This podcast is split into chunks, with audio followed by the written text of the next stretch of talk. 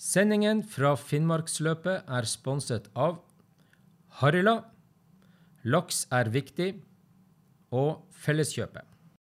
Ja, da er vi igjen med tredje utgave av FL-podden.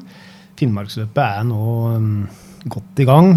Og eh, vi får besøk av eh, forskjellige folk som er tilknytta Finnmarksløpet i, um, i, studio her. Og nå har jeg fått inn en, en frivillig en. Velkommen til oss, Per Erik Stømner. Takk for det. Det er trivelig å være i isødet for en fra Kongsvinger. Komme og få oppleve folkelivet rundt uh, hundekjøring, som jeg har hørt veldig lite om før jeg kom hit.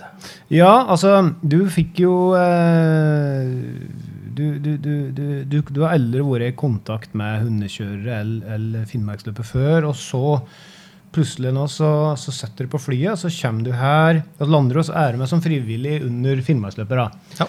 How is that? Nei, Det henger jo egentlig sammen med at jeg kjenner litt til de i, i Finnmark. Og har en uh, interesse for uh, video og teknikk. Så da ble jeg invitert opp til å være med her og hjelpe til under sendingene til i Finnmark. Som uh, med regi og produksjon og teknikk. Ja, så da, da er du kommer på her, og så, og så, bruker du altså ferien din på å være med frivillig i en produksjon oppi her. Ja. Hmm. Hvordan syns du det? er? Nei, Jeg syns det er veldig interessant. Det er veldig interessant på den måten at du lærer veldig mye nytt. Du møter eh, kollegaer. Vi jobber jo i samme konsern. Uh, og du blir veldig godt kjent med folk, og du får oppleve folk på en annen måte enn du har gjort tidligere. ved å jobbe tett på dem i så mange timer som Finnmarksløpet skal produseres. Så vi lærer hverandre godt å kjenne, og lærer selvfølgelig også måter å produsere store produksjoner på. Da. Ja, jeg ser, jeg ser da at det, at det, er lærerikt uh, i forhold til, til, til arbeidslek, men jeg tenker på, du, du må jo få noe noe inntrykk av dette, her med dette arrangementet? For det er jo ganske, det er jo ganske spesiell greie. Det, det er, det er en, en, sær litt lekk, i hvert fall for oss som bor i Sør-Norge, som kommer opp og, og opplever Finnmarksløpet første gangen, så er det mange som får et slikt derre Wow! Dette her var noe nytt. Eh, når man ser på liksom, det arrangementet og den atmosfæren som er rundt, og de folkene som er involvert. For det er, jo, det er jo en spesiell atmosfære her i Alta nå. Ja, det er et sirkus, rett og slett. Du hører folk som prater alle verdens språk, nesten, og som uh, står ute og jubler og heier hver gang det kommer uh, noen hunder og en, uh, en bak en slede.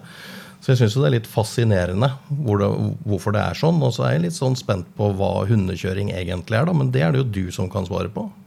Ja, vi skal prøve å snakke litt mer om det etterpå. Jeg, bare tenkte, Vi var jo inne Vi bor jo på hotellet borte her, stort hotell. og under frokosten hver morgen så, så, er det jo, det er jo kjempemange folk som, eh, som jeg treffer på som jeg snakker med. Og, nei da, de, de, kommer fra alle plasser i hele Norge, eller i hele verden, faktisk. Og de setter seg på flyet og kommer hit og, og, og legger seg inn på hotell og er med noen dager. Og så reiser de og får det som et fast årlig event.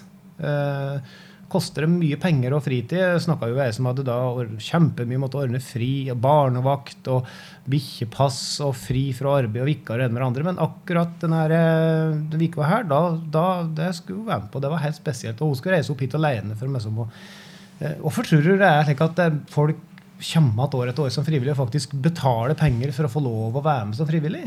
Det må jo være den fascinasjonen da, for hundeløp eller for mennesker og dyr. Da. At det, det møtes, og at det, det, er en synergi, et slags send ja. et eller annet sted der ute, hvor, hvor folk finner en tilfredsstillelse. Det må vel være det som gjør at folk eh, kommer tilbake år etter år. Ja, for det er jo, det er jo ganske unikt, egentlig. Du, du finner jo som ikke denne her eh, opplevelsen da, eh, på noen annen arena, tror jeg, enn du gjør her. Og, og det er jo veldig god, god, god stemning. Uh, hva er det du da har uh, Du har jo møtt borti en, en ny slags Et nytt miljø. Og i det miljøet, som egentlig er ganske internt og ganske lite og ganske isolert, så er det jo en del vendinger og Det er en kultur. Egen kultur. Og, og så er det da Eh, du har jo sikkert blitt møtt ja, Jeg har skjønt at du har møtt noen uttrykk som du syns er litt rare? Ja, de er det nok av. Liksom, her om kvelden så spilte vi inn en podkast med han eh, Bjørnar som skulle ut og kjøre FL6. Bjørnar Andersen, ja. ja FL 600. Og da, da, ble det snakk om en tjuvparing, da. Ja, Stemmer det. Og det er liksom Ja, du kan jo tenke deg til kanskje hva det er, men det er sånn Hva er en tjuvparing? Ja. Nei, altså, en, en, eh, en tjuvparing, det er jo ganske enkelt uh, to bikkjer som parer seg. da. Men de parer seg i en setting der det ikke er lov å pare seg. Sånn, masse som stjeler en paring. Og, og, det er et uttrykk som er mye brukt, fordi at uh, alle disse hundekjørerne som er med her, de har jo mange bikkjer. ikke sant? De har jo kanskje ja, fra 8 til 50 bikkjer som de liver og åndefører, og som de har hjemme, og som de steller på kennelen. Uh, og, og, når du har så mye bikkjer, og disse skal være løse hver dag, og de skal trenes og de skal fôres Det er jo et hundeliv for disse deltakerne som, som, er med her. Og, og, det er klart at Når du har så mye bikkjer, så er jo bikkjer får jo løpetid, og, og de blir jo brunstige, får en si. Og da er det ofte at når du har så mye hund, det, og de, når du trener dem, så går de jo bare i løse liner.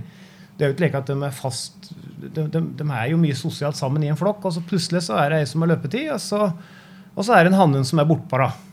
Uh, og, og så, så, så, parer de seg uten at du har planlagt eller har noe ønske om det. Og, og da, Det er en tjuvparing. Det er en hannhund som stjeler til seg en paring som han egentlig ikke skulle få. Dette skjer jo fra tid til annen. Det er jo uunngåelig. Uh, det er jo ikke bare at bikkjer det skjer jo hos mennesker òg. Men uh, i, i, løp så er det veldig dumt, for det, når bikkjer parer seg, så er det ikke slik som det er hos, hos folk at når, når, vi er ferdig, så kan vi bare tømme og rømme. Det er dessverre ikke slik i dyreverden. Når en bikkje, når en hannhund har tømt seg, så henger den der. Det er jo en slik mekanisme som er ikke sant, at uh, de henger sammen etter uh, han har hatt utløsning. Og de kan henge sammen i opptil 20 minutter da, før det liksom går an å få dem fra hverandre. Uh, og, og, når dette her skjer på løp, så, så, så, så du stopper kanskje på løypa for å ta en snakkepause, eller et eller annet, og så, plutselig så smukk, der er det to som henger sammen. Og der, der, du rekker ikke foran Freuland før de har limt seg sammen. Og da, da, må du bare vente. Kvarter, 20 minutter, kanskje 25 minutter før du kan kjøre videre. For du kan ikke kjøre videre når to bikkjer henger sammen. Nei. Og Det er en 20-paring, og det skjer fra tid til annen på løp. og det var det Bjørnar eh, snakka om at de fire beste bikkjene hadde hatt noensinne. Det var jo et resultat av ei tjuvparing på et løp. ikke sant? Mm. Det, var, det, var, det Men nå klarte du å trykke til deg et ord til. da. Ja. Snakkepause. Mm -hmm. ja. ja, nei, snakkepause det brukes jo veldig mye. Og det er jo fordi at hundekjøring er ekstremt. Ei vanlig bikkje som går uti her eh, den, det, du, du, finner ingen annen um, Nesten ikke noe annet levende vesen som forbrenner så mye kilokalorier per døgn som det ei bikkje gjør. Eh, hvis du måler i forhold til per kilo kroppsvekt. En uh, finnmarksløpsbikkje kan forbrenne opptil 10 kanskje 11 12 000 kilokalorier i døgnet. Til sammenligning en maratonløper eller en temmerhugger greier så vidt å pushe seg opp på 7-8. Ei lita bikkje på 25 kg kan omsette da mye mer enn den voksen kar klarer på et døgn. Det er ganske imponerende. og Den går jo hele tida. Og det gjør at Når du skal kjøre løp, så må du fòre. Du må fòre bra. Hvis ikke du greier å få i dem nok energi, så da går det ikke bra. Da blir de tynne og blir tid til å løpe, eller du stopper. Så det å fôre bikkjer er en kunst. Og, og um, de er jo ofte ute på løypa i, fra fem til åtte timer i slengen. Og, og, da må du stoppe å fylle på. For det er altfor langt oppå. seg. en tommelfingerregel er det at en, en bikkje som deltar i Finnmarksløpet, det går nesten eller over tre timer uten at den får mat. Ifra de starter i gata til de kommer til en uke senere, så har det aldri gått over tre-fire timer uten at de har fått mat. Og Det er kjørerens jobb å gjøre. og Når vi er på sporet, så, så ser du på klokka, så har de da bestemte rutiner da, som er innarbeida i spannet. slik at bikkjer er jo vanedyr, og de vet når det kommer. Og, og, det er veldig viktig, fordi at uh, når bikkjen blir sliten, så er det så lett å få i mat. og da, da er det at du har snakkepauser. da. Noen har det hver halvannen time, noen har det en gang i timen. Noen kjører to timers, og så fast faste syke på klokka, kjører, og akkurat når det har gått så lang tid som du pleier, så stopper du.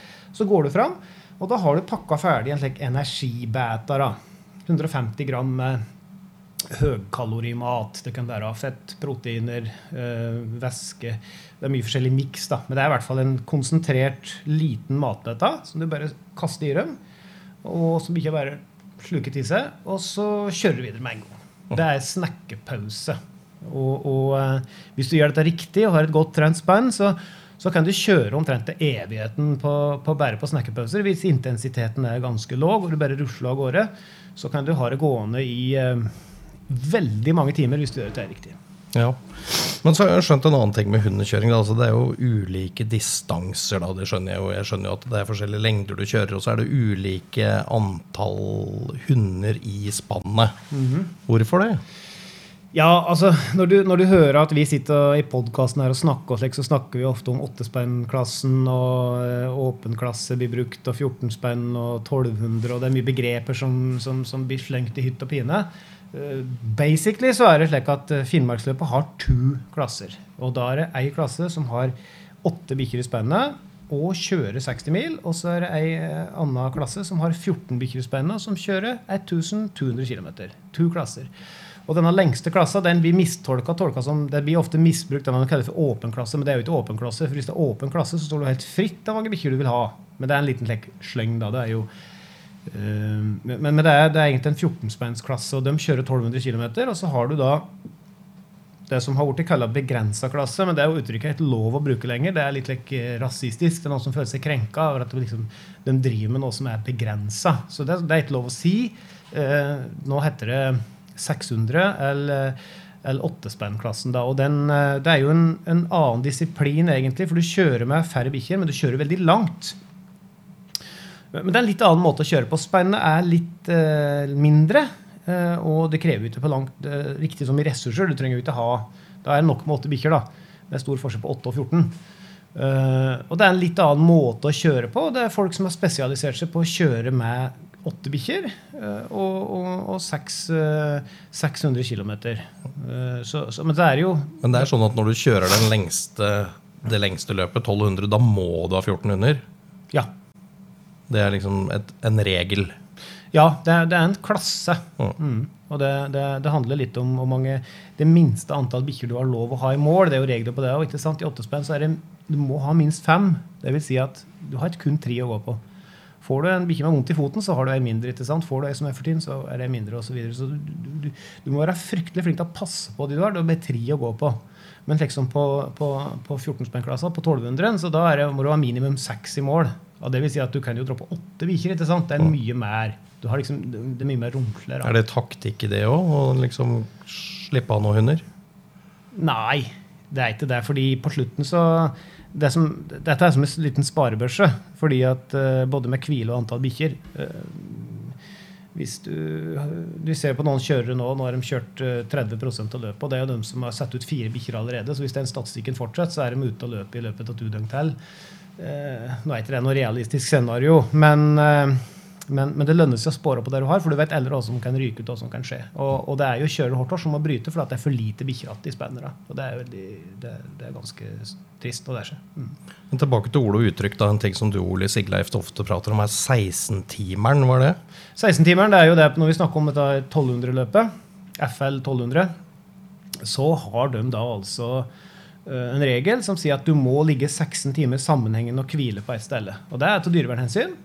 Eh, Så slik at ingen bare skal kjøre og kjøre og kjøre. og kjøre, Som jeg sa, kjøre på snakkepauser. Liksom. Bare kjøre og kjøre og kjøre og hvile for lite. Eh, Så det er en regel som skal beskytte bikkjen og kjøreren, slik at de får tatt en skikkelig pust i bakken og virkelig får hvilt ordentlig ut. Eh, Og Da må du ligge 16 timer sammenhengende på ett og samme sjekkpunkt. Ellers så er det stort sett fritt åssen du vil. Og mye vil hvile, og mye vil være på sporet og alt dette her. Men den har 16 timer. Det er likt for alle. Alle må stoppe et sted og ta 16 timer. Og, og eh, det, det er jo eh, De fleste tar jo den da ja, Det er et par sjekkpunkt som er ganske populære, som er omtrent litt før halvveis i løpet. Så, så, eh, men så er spørsmålet mye taktikkeri ute og går. da, vet du. Skal du ta den tidlig, eller skal du ta den seint? Uh, forskjellige kjørere har forskjellig strategi. Noen liker å ta den tidlig. Uh, da, du, da blir det langt til du er i mål. Andre velger å vente lenge og ta den ganske seint. Da får du uthvilte bikkjer mot slutten, men da har du gambla litt på Da må du kjøre dem ganske langt ned før du kommer frem og får tid den hvilen. Altså, det er kjempemye like, taktikkeri rundt den 16-timeren. Og, og, og, du må treffe litt i forhold til både vær og føre. og ja, Ganske kompleks. Så er det to uttrykk med det her med spannet. Det er liksom det Spannet har satt seg, og det er trøkk i spannet. og Hva betyr det? Nei, altså når et spann har satt seg, det er jo, det er jo ikke slik at bikkjen har satt seg på ræva og sitter rolig i løypa. Når det har satt seg, så er det et uttrykk som brukes når liksom da når du starter et løp, så er det veldig mye armer og bein. Bikkjer de går full gass. og Noen har dagen, og noen har ikke dagen. Noen eh, responderer på at det er løp og stress og, og greier ikke helt å fungere, og, og det er støtt litt like, mye. Like. Men så plutselig så kommer du til et punkt etter et døgn eller to der du ser at nå er alle synkronisert. Nå er alt liksom eh, Denne bikkja som hadde stressdiaré, den har du satt ut. og eller slike skader og alt er borte, så har du hatt en kjerne med bikkjer der alt er helt 100% og du liksom finner den der grunnfarta. Det er ikke den der overskudds... altså Bikkjer har jo ikke impulskontroll. De, de, skjønner sikkert på en eller annen måte at de skal flyge veldig langt, for de har gjort dette her før. Mm. Men, men, likevel så går de helt ut eh, altfor hardt ut. Så når liksom farta har roa seg ned og kommet inn i sånn grunnfart, og alt er liksom helt på stell, og du har den følelsen til at nå, nå er liksom alt, nå er det full kontroll på alt, da har spannet satt seg. Det har liksom satt seg sammen til en kjerne. Uh, og, og, og, da er liksom bare å, da, skjer, da får du ingen overraskelse lenger. Det, det, og, og um, det andre utviklere lurte på det Trøkk i spannet? Ja. ja. det er jo ikke det at du har en gaffeltrøkk eller en uh, stor lastebil i speinet. Det er jo ikke det det er snakk om. Men trøkk det er rett og slett at, um, at du kjenner at du har trøkk i dem. da. Du kjenner at, eh, at, at uh, bikkjene er skikkelig på. Det, det, er skikkelig kraft i spannet. Du står jo på Nasjolan, og, og, det er veldig mye energier ute og går. Av og til så kjenner ut som det, alt går i motvind. og og alt går så tungt. Og andre ganger så, så kjenner du på de bikkjene du har foran der, at det sånn, når det er så mange, så er det så lite som skal til. Og de, de er så påvirkelige til en annen, slik at plutselig så, så, så er de sånn, du kjenner at det er ordentlig kraft. da ordentlig urkraft. og du, du som, da Alle sammen er veldig på og drar veldig hardt. Det er en veldig god følelse for en hundekjører. og Da har du trøkk i spannet. Da går de hardt. Mm. Mm. Så jeg skjønte at det motsatte der, det er parkering? Ja, det er jo det motsatte av trøkk. da. Uh, nå er det jo slik at uh, når du kjører lange løp, så går det jo opp og ned. Uh, ene øyeblikket så er du høyt oppe og fullt trøkk i spannet. Neste øyeblikk så er du skikkelig deprimert, og det er nesten så det er stoppet det er en naturlig konsekvens. Og det at uh, du, er jo lenge ute, og du blir jo fartsblind. Uh, du, har ikke sovet på noen døgn, ikke sant? og du blir jo litt uh, omtåka i hodet. Og, og, da hender det at bikkjene rett og slett finner ut det at dette her gidder vi ikke lenger. Altså, De gjør mytteri. Og, og ofte så kommer det til et slags tillitsbrudd mellom bikkjer og kjører. Eh, at de, de, ser at han bak han begynner nå liksom å bli litt ute å kjøre. Og, og, og da er bikkjen de er veldig enkle. De har en sterk leder, og da følger de på. Hvis de ikke har det, så da blir de veldig usikre. Mm. Og hvis du da på løp kanskje av og til eh, viser noen svakheter i at du er litt ute og kjører, litt i affekt, litt i psykisk ubalanse, slekk, så senser bikkjen det med en gang. Altså. De senser det lenge før et menneske kan sense det.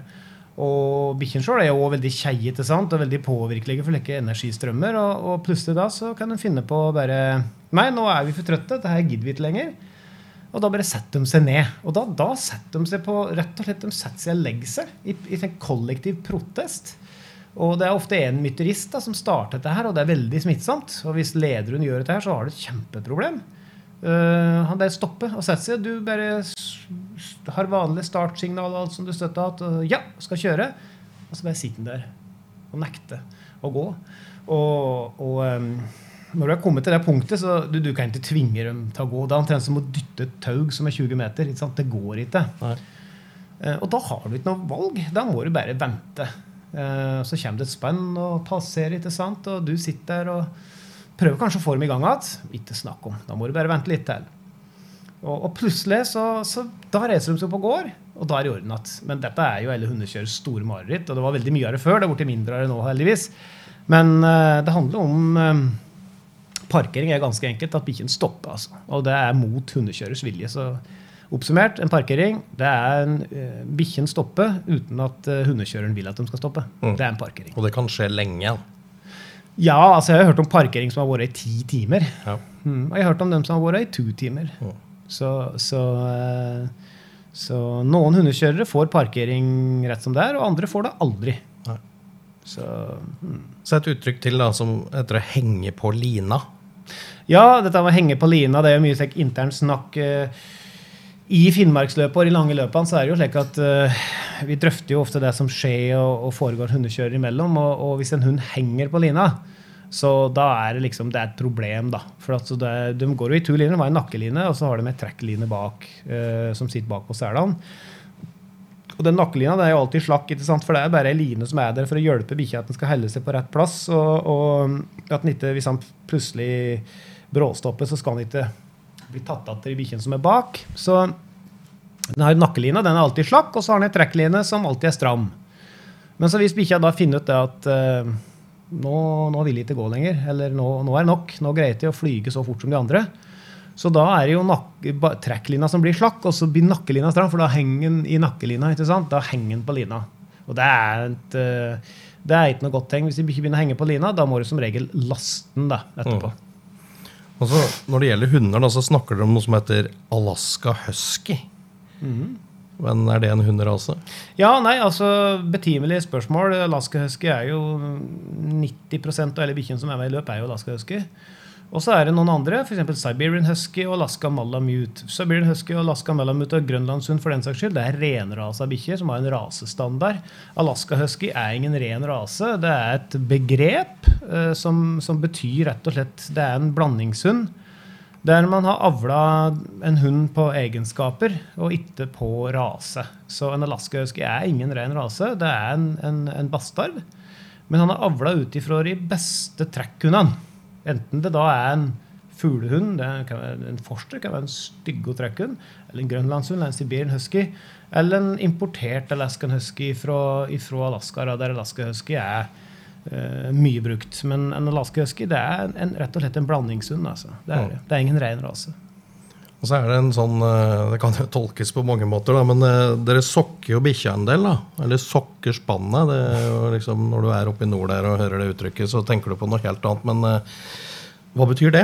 Jo, nei, altså Det her med sokker, det her med hundesokk å gjøre. Og, og ikke kanskje noe annet som en kan bli frista til å tenke på, i hvert fall når en blir veldig kjei. Eh, det er altså Vi setter på altså Bikkjene i Finnmarksløpet går jo med bikkjelabber fra start til mål. Og på hver eneste etappe så, så må du skifte labber. Du kommer inn til et checkpunkt der du skal hvile bikkjen på hælen, eller om du stopper på sporet. For hver eneste gang du stopper bikkjespeinet, så må du ta av alle bikkjelabbene. Og, og, før du starter ut igjen, så må du sette på nye. Så har du ti bikkjer, da, så har du 40. Eh, 40 på, sokker som skal på. Eh, og, um, og, uh, når du har 14 bikkjer, så blir det jo altså det blir mange mange bikkjelabber som skal på, og mange som skal tå. Og dette her er jo mye arbeid. Uh, men du må gjøre det. Hvis du slurver med dette her, så blir du sårbent. Og det er omtrent som å flyge en maraton uten joggesko. Det går veldig bra en stund, og så trør du på en stein, og så er det gjort. Så, Men det med å sokke bikkjene, det, det, er en litt sånn moderne ting som har kommet de siste åra? Ja, ja, det, var ikke, det, det kom de siste 15-20 årene. Årene. Det var jo ikke lek før, men, men det er blitt sportifisert, dette her. Og vi kjører fortere og fortere, hardere og hardere, mer og mer ekstremt.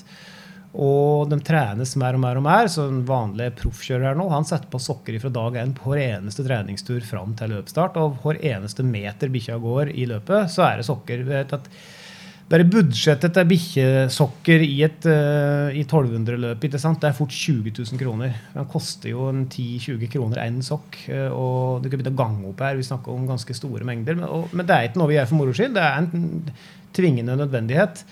For blir du sårbeint, så må du ta ut den bikkja. Det er jo kjempestrengt. Eller bikkja blir jo kontrollert av veterinær på trekkpunkt. Og, og, hvis du blir sår, så kan du få en betennelse etter hvert også, så poten begynner å hovne opp. så da har, du, da har du i hvert fall ikke noe bikkje lenger å kjøre med. Nei. Så sokker det er veldig dyrt og veldig mye arbeid, men det må gjøres. Og når vi da, det er blitt et sånt slenguttrykk at han driver og sokker bikkjer, da, da, da, da, driver han og setter på bikkjelabber. Ja. Uh, mye av tida, altså du kan si halve tida av et finnmarksløp, det er potebehandling. Det er det. Mm.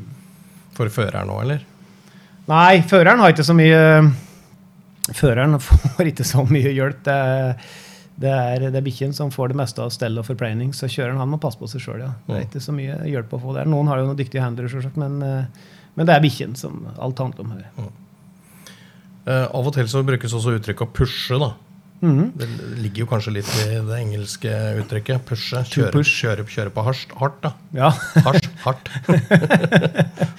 Ja, dette med å pushe dem litt, det er jo et standarduttrykk som går ut på at du, du regulerer jo intensiteten på bikkjene sjøl. Dyktige underkjørere de kan ikke stå med en fysisk brems eller farten nede. Da kaster du bort energi. Det er som å flyge maraton og dra på et bildekk i starten så du ikke skal flyge for fort. ikke sant? Da, da, da sliter du ut på å dra på det bildekket. Så de beste hundekjørerne som er her, de greier å regulere intensiteten på, på spannet sitt sjøl. De får dem til å gå rolig hvis det er ønskelig, eh, og så får den til å øke farten når det er ønskelig. Og kunsten er jo å se sant, når bikkjene er klare og vil ha fart. Da må du utnytte det. Da pusher du på litt. Altså det vil si du bare kjører på. Du gir en beskjed om å øke intensiteten. Eh, Og motsatt, når du da tenker, og det er kanskje enda vanskeligere, når har de behov for å gå rolig? Og da må du ha is i magen og la dem få gå rolig. Eh, Men dette med å pushe på, det er ganske enkelt at du ber bikkjen om litt ekstra fart. Hmm. over til et annet uttrykk igjen. da, Stå på bremsen. det henger litt, Da skal du liksom på en måte holde igjen litt? Ja. Vi hører jo det ofte nå i starten av løpet, og i hvert fall i år som det er så veldig harde spor, så hører vi ofte det at uh, de skal stå på Nei, jeg sto på bremsen hele veien opp til første sjekkpunkt. Jeg har hørt mange i, i 600 som har sagt det Ja. nå. Og de, de, de vet ikke at de står oppå bremsen med hele sin tyngde, for da stopper spennet. Og det er nok du bare klemmer litt på bremsen, så, så holder de igjen ganske mye. Så bremsen den er ganske komplisert, for du har en slik piggbrems som du bruker som håndbrekk. Og så har du ei gummimatte som er like softbreak, som du bare så vidt kan tråkke på, så går det litt saktere. Eh, og det er et redskap du bruker for å så ha no, I nedoverbakker så må du jo sette ned farten litt. fordi at hvis ikke så kan jo sleden faktisk eh, Hvis det er god glid, så kan jo sleden få høyere fart enn bikkja når du kan kjøre over dem.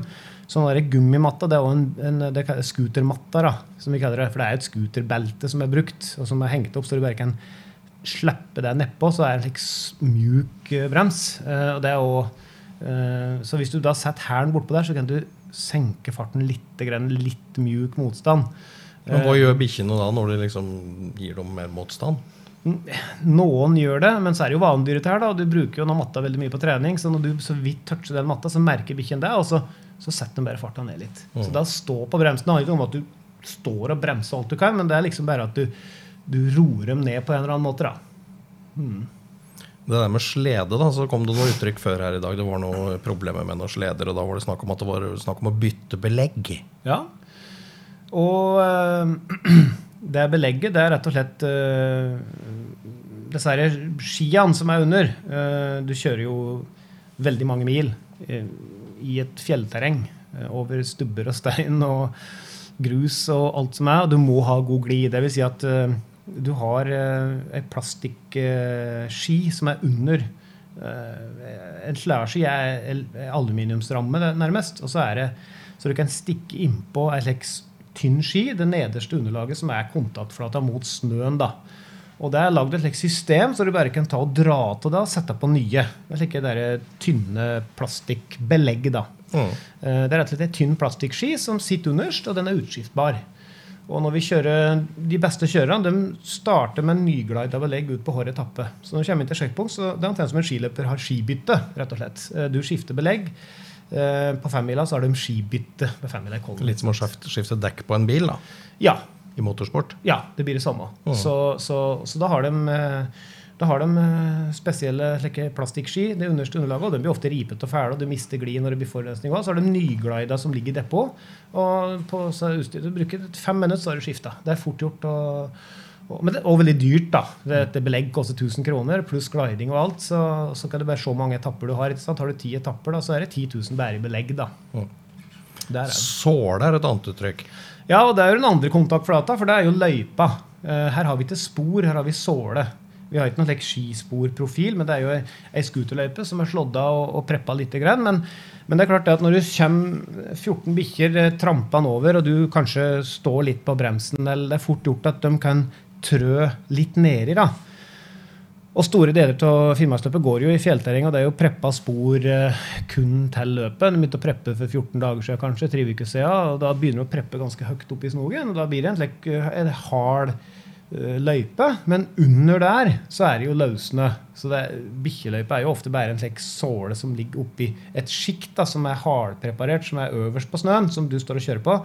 Under der så er det løssnø. Og denne sålen der, det er jo ekstremt variabelt, men, men noen ganger så er det jo slik at denne søren går det jo, det går jo høl på denne løypa. Du trør jo ned i det løse sjiktet som er under. Da får du plumpfører. da. Det veldig, da går det sakte, og det er veldig tungt å flyge i. Eh, Men eh, så, så, så bikkjekjørere er jo veldig opptatt av den der sålen. Om det er god såle, eller om det er dårlig såle. Um, det er tema, det er vel det mest diskuterte temaet, for det er det hundekjørere er mest opptatt av, nemlig at du har et godt spor. Da glir det lett. Har du dårlig spor, en såle som er godt i oppløsning, eller som er hølete, så er det, da går det sakte, altså. Da er det, så det er, det er fryktelig mye å bety for kjøreren. Det er vel det han er mest opptatt av. Til alt i hele Finnmarksløpet, så er det den der sålen. Det er mye, mye diskutert tema. Hardt føre. Mhm. Det er det ideelt. Ja. Ja. Ikke helt hardt liksom nå, da. Det er jo 100 forskjellige typer snø. Eh, Hvis den blir kornig, så leter du for hardt på poter. Og hvis den, blir, hvis, hvis, hvis den er steinar, hvis du kjører på en brøyta vei, da, er jo, eh, da kan du få støtskader i både håndledd og skuldre. Eh, Så det ideelle det er så kan jeg sammenligne med et vanlig skispor. da. Det er jo ikke så hardt som en brøyta vei, men det, det er hardt nok, så, du, så du søker bare litt nedi. da. Skulderføre sa du før i dag. Ja, og det er jo, da er vi tilbake på denne såren. ikke sant? Hvis det går høl på den, eller det er løse spor, så bikkjen da plutselig kan plumpe og trø igjennom. så er det akkurat som hvis vi vikles på foten, f.eks. Uh, og da må du kjøre fryktelig forsiktig. hvis du plutselig, altså Kunsten i underkjøring er jo å tilpasse fart og mestre de utfordringene du møter. og Av og til så er det jo uh, det er jo en utendørssport, dette her. og, og Du må jo bare takle det du får. og Av og til så får du en såle som er godt i oppløsning, og noen ganger så, så kan bikkjen plumpe igjennom, og du ser at de trør igjennom, at de sliter. Da må du som kjører sette farten ned og kjøre forsiktig. Hvis du da kjører fort der, så er det fort gjort at bikkjen kan eh, få en liten forstuelse eller få vondt i, i skuldra si. da. Og Kommer du da inn på sjekkpunkt og du har, er litt øm i skulder, noe du fort kan bli, så, så må den bikkja settes ut. da. Det er jo kjempestrengt. Så, så, så skulderføre det er skumle greier. altså. Da er det, da er det plumpete og fælt og skakt. og... Da må det gå sakte. Ja, da må du kjøre så skånsomt at bikkjen ikke pådrar seg skader. Og da kommer vi til et annet begrep. da Laste en hund. Ja, dette med å laste en hund, det er jo rett og slett at eh, ei bikkje har fått vondt et sted. Eh, Det kan være kjei. De går jo langt. Noen blir rett og slett slitne. Noen kan få vondt i magen, akkurat som med folk. Eller noen kan få vondt i foten. Eh, Når du går på en lang marsj, kan du få vondt i foten. Eh, Spennet må jo gå videre. det er jo et løp etter her. Eh, En vanlig person som går en veldig lang tur og får vondt i foten, han kan jo sette seg ned og hvile. Men når du kjører et spenn, så så kan du ikke stoppe hele spennet for at ei bikkje har fått vondt i foten. Så da laster du den bikkja. Det vil si at du har Det er jo påbudt nå å ha sleder med lufteluke på i sledetrekket. Og det er beregna på at hvis en hund får vondt noe sted, så må du stoppe. Du ser jo det, for da begynner den å henge på lina, ikke sant? og da senker den jo hele spannet. Og da tar du den bikkja ut av spannet og legger den oppi sleden i et like, eget lite hunderom som man har der. En mjuk, fin seng. Og da ligger den der til du kommer til sjekkpunkt, og så, så setter du ut bikkja der. da. Og det er å laste en hund. Vil si, da har du en hund i sleden. Men, men hvis du har fått en hund i sleden, så har du, da har du plutselig 25 kg overvekt, altså. Og det er jo Disse nye sledene nå er jo bygd opp, så, så det er jo ski, og så er det bygd opp en, eh, noen centimeter. Og så er det mye rart oppi slalåm, så tyngdepunktet blir høyt. Og veldig mye av løypa går inn på vidda der det er sideskakt. Så da kjører med hund i sleden, da må du manøvrere når du får med sånn 25 kilo på toppen oppi den. Så må du jobbe hardt altså, i oppoverbakker. Må du hjelpe til å dytte oppover. Og når det er sideskakt, så må du rette opp sleden. Og, så det altså å kjøre med hund i sleden langt, det er, det er først og fremst veldig tungt for, for, for kjøreren, og ikke for bikkjen. Men, men for da, må du, da blir det mye tyngre å manøvrere sleden, rett og slett. Og så er det en annen ting, da, sånn som for meg da, som ikke har stor peiling på dette, men som har fått litt innsikt nå da, i løpet av alt det du har fortalt meg, så tenker jeg litt på sånn Hvordan plasserer du hundene i et hundespann? Altså, Hvorfor er de der de er? Ja, det er spørsmål jeg ofte får. Jeg har drevet litt med guiding og turistkjøring og, og snakka med mye folk. Det, det er faktisk interessant, for det, det er noe som de som ikke er i, inne i hundekjøring, det er ofte lurer på det om det er tilfeldig, og det er absolutt ikke tilfeldig. Jeg la merke til Etter start her i går så var det noen bikkjer som kom ut, og du så dem framifra, så så det nesten ut som det kom i en vifteform. Mhm, ja. Eller, ja, altså ja, det var Noen løper litt lenger ut, og noen altså, Det er liksom Ja, det er du plasserer ja, dem som, som det- brikker, da. det er litt misvisende, akkurat for det, i gata her så er det veldig mye folk og stahei og det høy musikk, og det er noen ledere under da som blir litt usikre. Som ikke liksom, de, de, det er mye rart å, å se på, så de, de flyr litt reservert, mens de bak de følger bare på. ikke sant? Så tar de at de foran. Da går det litt lekk. Men vanligvis så skal et, et hundespann skal være en stram line rett fram. Det skal være som en rett strek. altså. Det skal det være. Og det å sette sammen et, eh, et hundespann, det, det er ganske vanskelig. Det ser så lett ut, men det er så vanskelig. Det er omtrent som å sette opp et fotballag. Akkurat som å sette opp et fotballag. altså.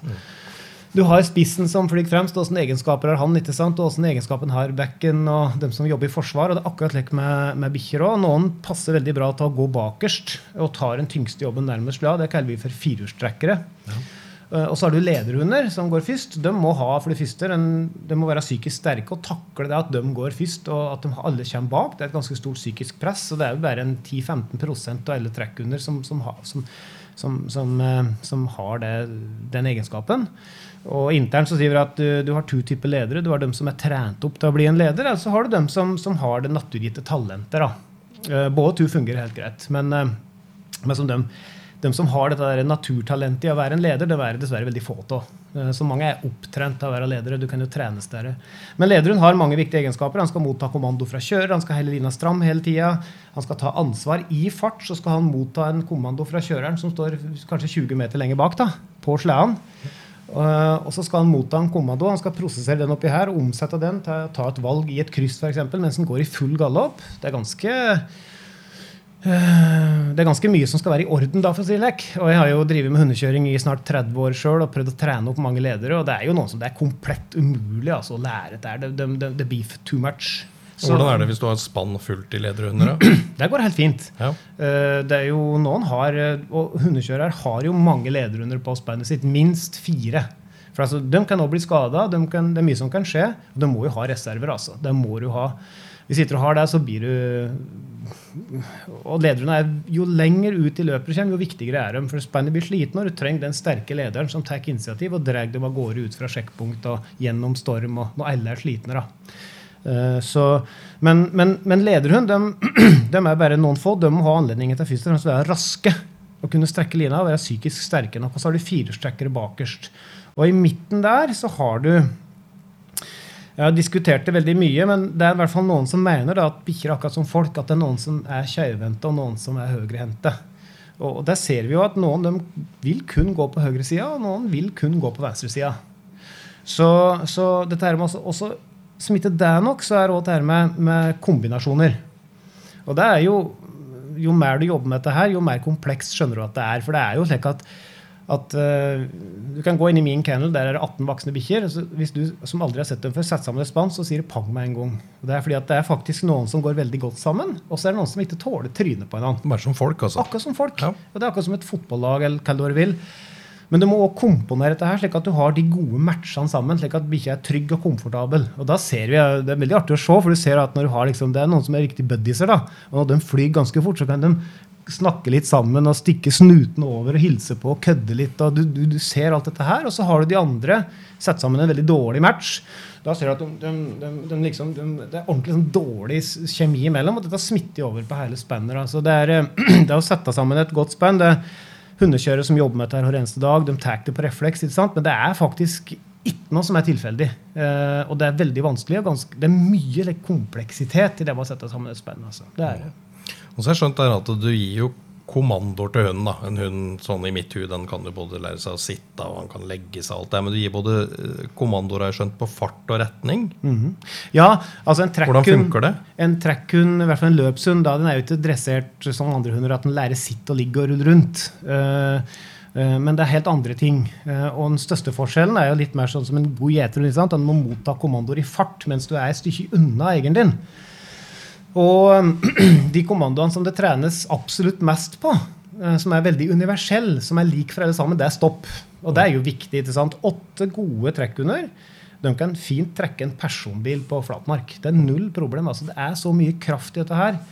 Og hvis det hopper en elg ut i løypa, eller det er en liten katt på ene sida, eh, eller en sau når du trener om høsten Alle hundekjørere de trener på stopp, og det er som regel en lang ord. Da. Det er veldig viktig. altså Da, da, da bruker du bare den kommandoen mens du bremser dem med brems eller firhjuling. eller hva du bruker med. Så denne stoppkommandoen den er ganske viktig. Eh, så det er som regel en slik lang O. Men så er det òg andre kommandoer som må øke farten. Og det er liksom sånn litt omdiskutert der. Har forskjellige kjørere forskjellige kommandoer. Noen bruker bare en sånn viskelyd, og det er ganske tøft. Du kan stå og kjøre et seksenspann som går veldig bra, så kan du si slik, og så så øker hele opp i galopp. Det er bare en hviskelyd. altså. Det er vel litt sånn at disse bikkjene er jo på jobb, ja. så de skal, du, du, skal vel ikke prate til dem for mye heller? Nei, det er akkurat som vi sier at du skulle floge opp på gallepiggen og småjogge. Og hatt Gjert Ingebrigtsen bak? Ja, altså, la oss si at jeg hadde floget ved sida av dere hele veien og masa på dere. ikke sant? Ja, du, skal du, og du driver på jobben nå, åssen går det nå? Liksom? Og du tenkte å gjøre i morgen? Skal du være med ute i helga? Eller du, åssen er det med han der? Og, og, det er så irriterende. Altså, du mister jo fokus og konsentrasjon på den gode driven fullstendig. Så når de står og kjører, så er det veldig lite som blir sagt. Er, og så er det jo dette her med eh, at du, Hvis du bruker lys stemme, så skjønner, er bikkjene veldig, er veldig sensitive. Hvis du bruker en lys stemme, det er babystemme, eh, så det er, da, det er positivt. Men mørk stemme det er mest som sagt der, Da begynner de å snu seg og skjønne at det, Så du kan bare ved å lage lyder så kan du påvirke spennet ganske mye. da. Eh, og så er det jo Hvordan lærer du dem høyre og venstre? det er, det er noe av det vanskeligste. Bikkjer er jo vanedyr. Uh, noen er jo stokk dumme å lære heller. Ja, de er det litt år. sånn som kvinnfolk ikke vet forskjellen på høyre og venstre? og? Ja, absolutt. Og, og noen tar det veldig fort. Men, men, og noen bruker høyre og venstre. Uh, høyre og venstre. Og så lærer de da at når de får den kommandoen, så skal de ta til høyre i et kryss. Det er det letteste. Og det vanskeligste er når du kjører det vi kaller for uspora. Du kjører bare på skårene og åpne sjøer uten spor. Og så skal du kommandere et av spennet til å svinge, enten mye eller svinge litt. ikke sant? Det er det vanskeligste. Eh, Noen bruker høyre- og venstrekommando, mens, eh, mens andre bruker G og H. G det er inuittspråk og kommer fra hundekjør, altså nomeformasjonens opprinnelsesland, nemlig i, i Alaska. Eh, G det betyr høyre, og H det betyr venstre.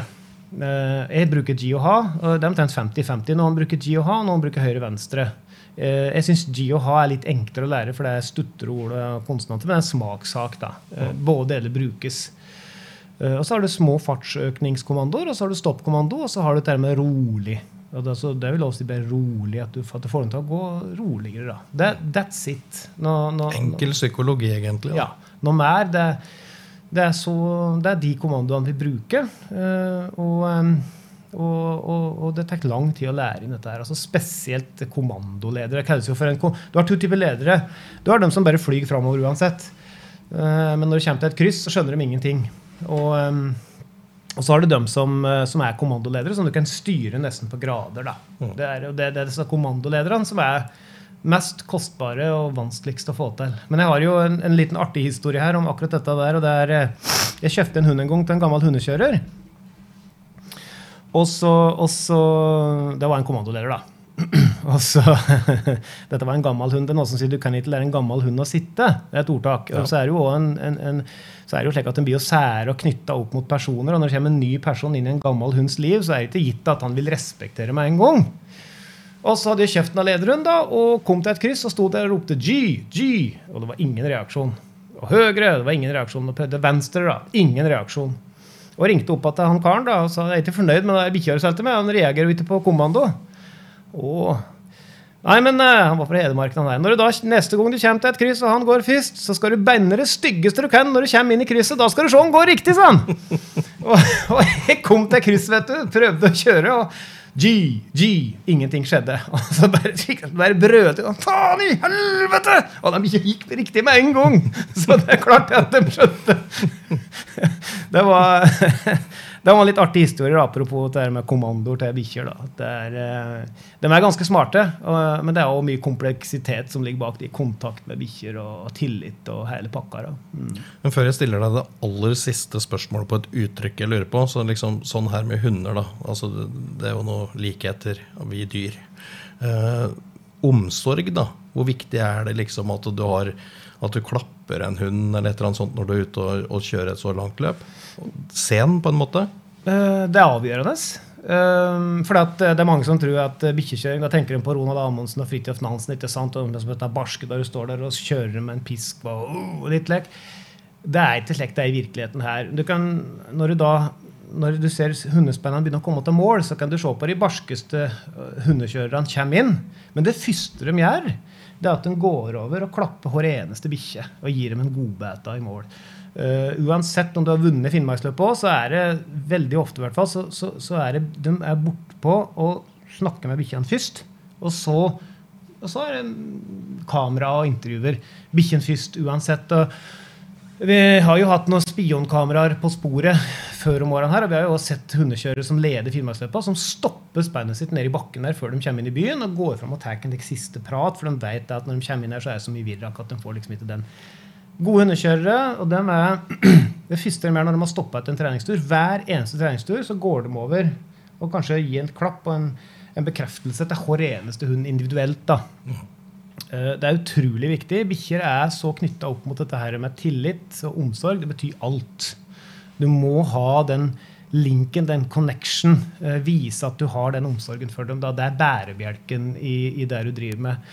Hvis du ikke har det, så da har vi et uh, annet uttrykk som, som kalles survival mood. Og det vil si bikkjer som går for det de må. Og jo, Vi ser jo det fra tid til annen nå, at det er spesielt hos nybegynnere. Så er det bikkjer som går eh, litt lekk bare fordi de må. De går akkurat så fort de må. Men ikke noe, de vil alltid benytte anledningen til å gå litt saktere. Der går det like 8 km i timen, og det er ikke hurtig gange da. Da kan du gå ifra speilet ditt. Det er det vi kaller for survival eh, mode. Eller survival modus. Overlevelsesmodus.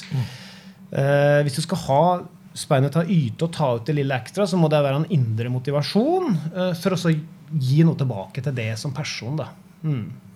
Men det siste jeg lurer på, da, før vi eh, runder av og lar eh, folk drive med noe annet enn å høre på hundeløp for dummies, det er BCI. Ja, BCI. Og det er jo et uh, ganske nytt uttrykk, faktisk, men så veldig viktig, og det angår alle hundekjørere. Det for Body Score Condition. Uh, det er det det står for. Og, eller, eller Body Score Index. Uh, det er rett og slett Det er vel Body Score Index det står for, den i-en. Og eh, det er en slik måle, måle Body Condition Score, eller Body Score Index. Det brukes litt om i navn. Det er altså en slik måleenhet som dyrlegene bruker. De har en vurdering på bikkja. For altså, før du skal stille i løp her, så må du ta en fullstendig veterinærsjekk av hele bikkjen. Og du må, du må dokumentere at alle sammen er 100 i god fysisk forfatning og, og, rusta til å greie dette løpet. Det er jo en ekstrem belastning. Eh, og det må dokumenteres. Så du må reise til dyrlegen og få en attest på at han har gått over hele bikkjen og sjekka dem. Og da er det mye som sjekkes eh, på hele bikkja. Men én ting er den her body score-indeksen. da. Og det vil si at de rangerer bikkja etter en karakterskala.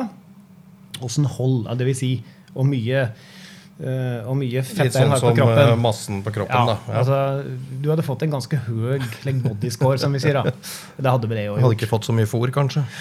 Nei, og, og det er veldig viktig, skjønner du, fordi at på slutten av løp så er det jo et problem eh, for mange har vært at bikkjene blir tynne. Altså de, de, de, de bruker så mye energi at de blir tynne. De blir tynnere enn det som kanskje er bra for bikkja å bli. da. Nå er det jo maratonløpere her. Du så Grete Waitz var ikke akkurat, så ikke akkurat ut som oss. Nei. Eh, men likevel, det er et minstekrav om eh, hvor tynnere de kan bli. Og Derfor så, så er det slik at eh, den der bodyscoren, som vi sier, da, den, den må være over ei viss grense for at du skal få lov til å starte. Og så har alle alle spenn har med seg en veterinærbok der eh, hver eneste bikkje har en egen rekord. Og det følges opp. Og alle bikkjene blir kontrollert når de kommer i mål. Og så fører de deg inn og ser om en har eh, fått lavere bodyscore. Eh, Og, og hvis du kommer midt ute i løpet og ei bikkje er for tynn, så da scorer de den bikkja så lavt at de juridisk sett kan pålegge kjører å ta ut den bikkja. Så det er et der sikkerhetssystem for god dyrevelferd at bikkjen ikke skal bli for tynn, rett og slett. Eh, og, og denne bodyscoren den har jo gjort at uh, vi som hundekjørere vi har fått en voldsom fokus på det. Før i tida så var det ikke noe fokus på det. Det var nok du bare karra over mål, så var det greit. liksom. Det var ingen som du kunne komme med og tynne bikkjer du ville. Uh, Så i riktig gamle dager så var det jo bikkjer som nærmest helt på rødkål på midten, for å si på den måten. da. Det, det, og, og, og dette er jo tiltak som er satt i gang av arrangør og dyrleger og, og, kjørere for å få standarden opp på det vi driver med. Uh, og, for å, ikke minst sikkerhet i forhold til bikkja. Det er det. Så, så det er en av bodyscoren. Selvsagt mye omtalt, for den stiller høye krav til at du må være flink til å fôre. Uh, Du må ha fokus på å få nok mat, og du må være oppe på et visst nivå for at dette her skal kunne gå. Ja, men Da føler jeg Trond, at jeg har fått et lite innblikk i hvert fall i den der verden som du kan så mye mer om enn meg, og tenker at eh, ja, jeg skal jaggu bruke litt tid på, på å følge med litt. og Jeg syns det er interessant med hundeløp, men jeg skjønner at det er, en, det er en vitenskap her bak det meste. Altså det, er ikke, det er ingenting som er tilfeldigheter. da.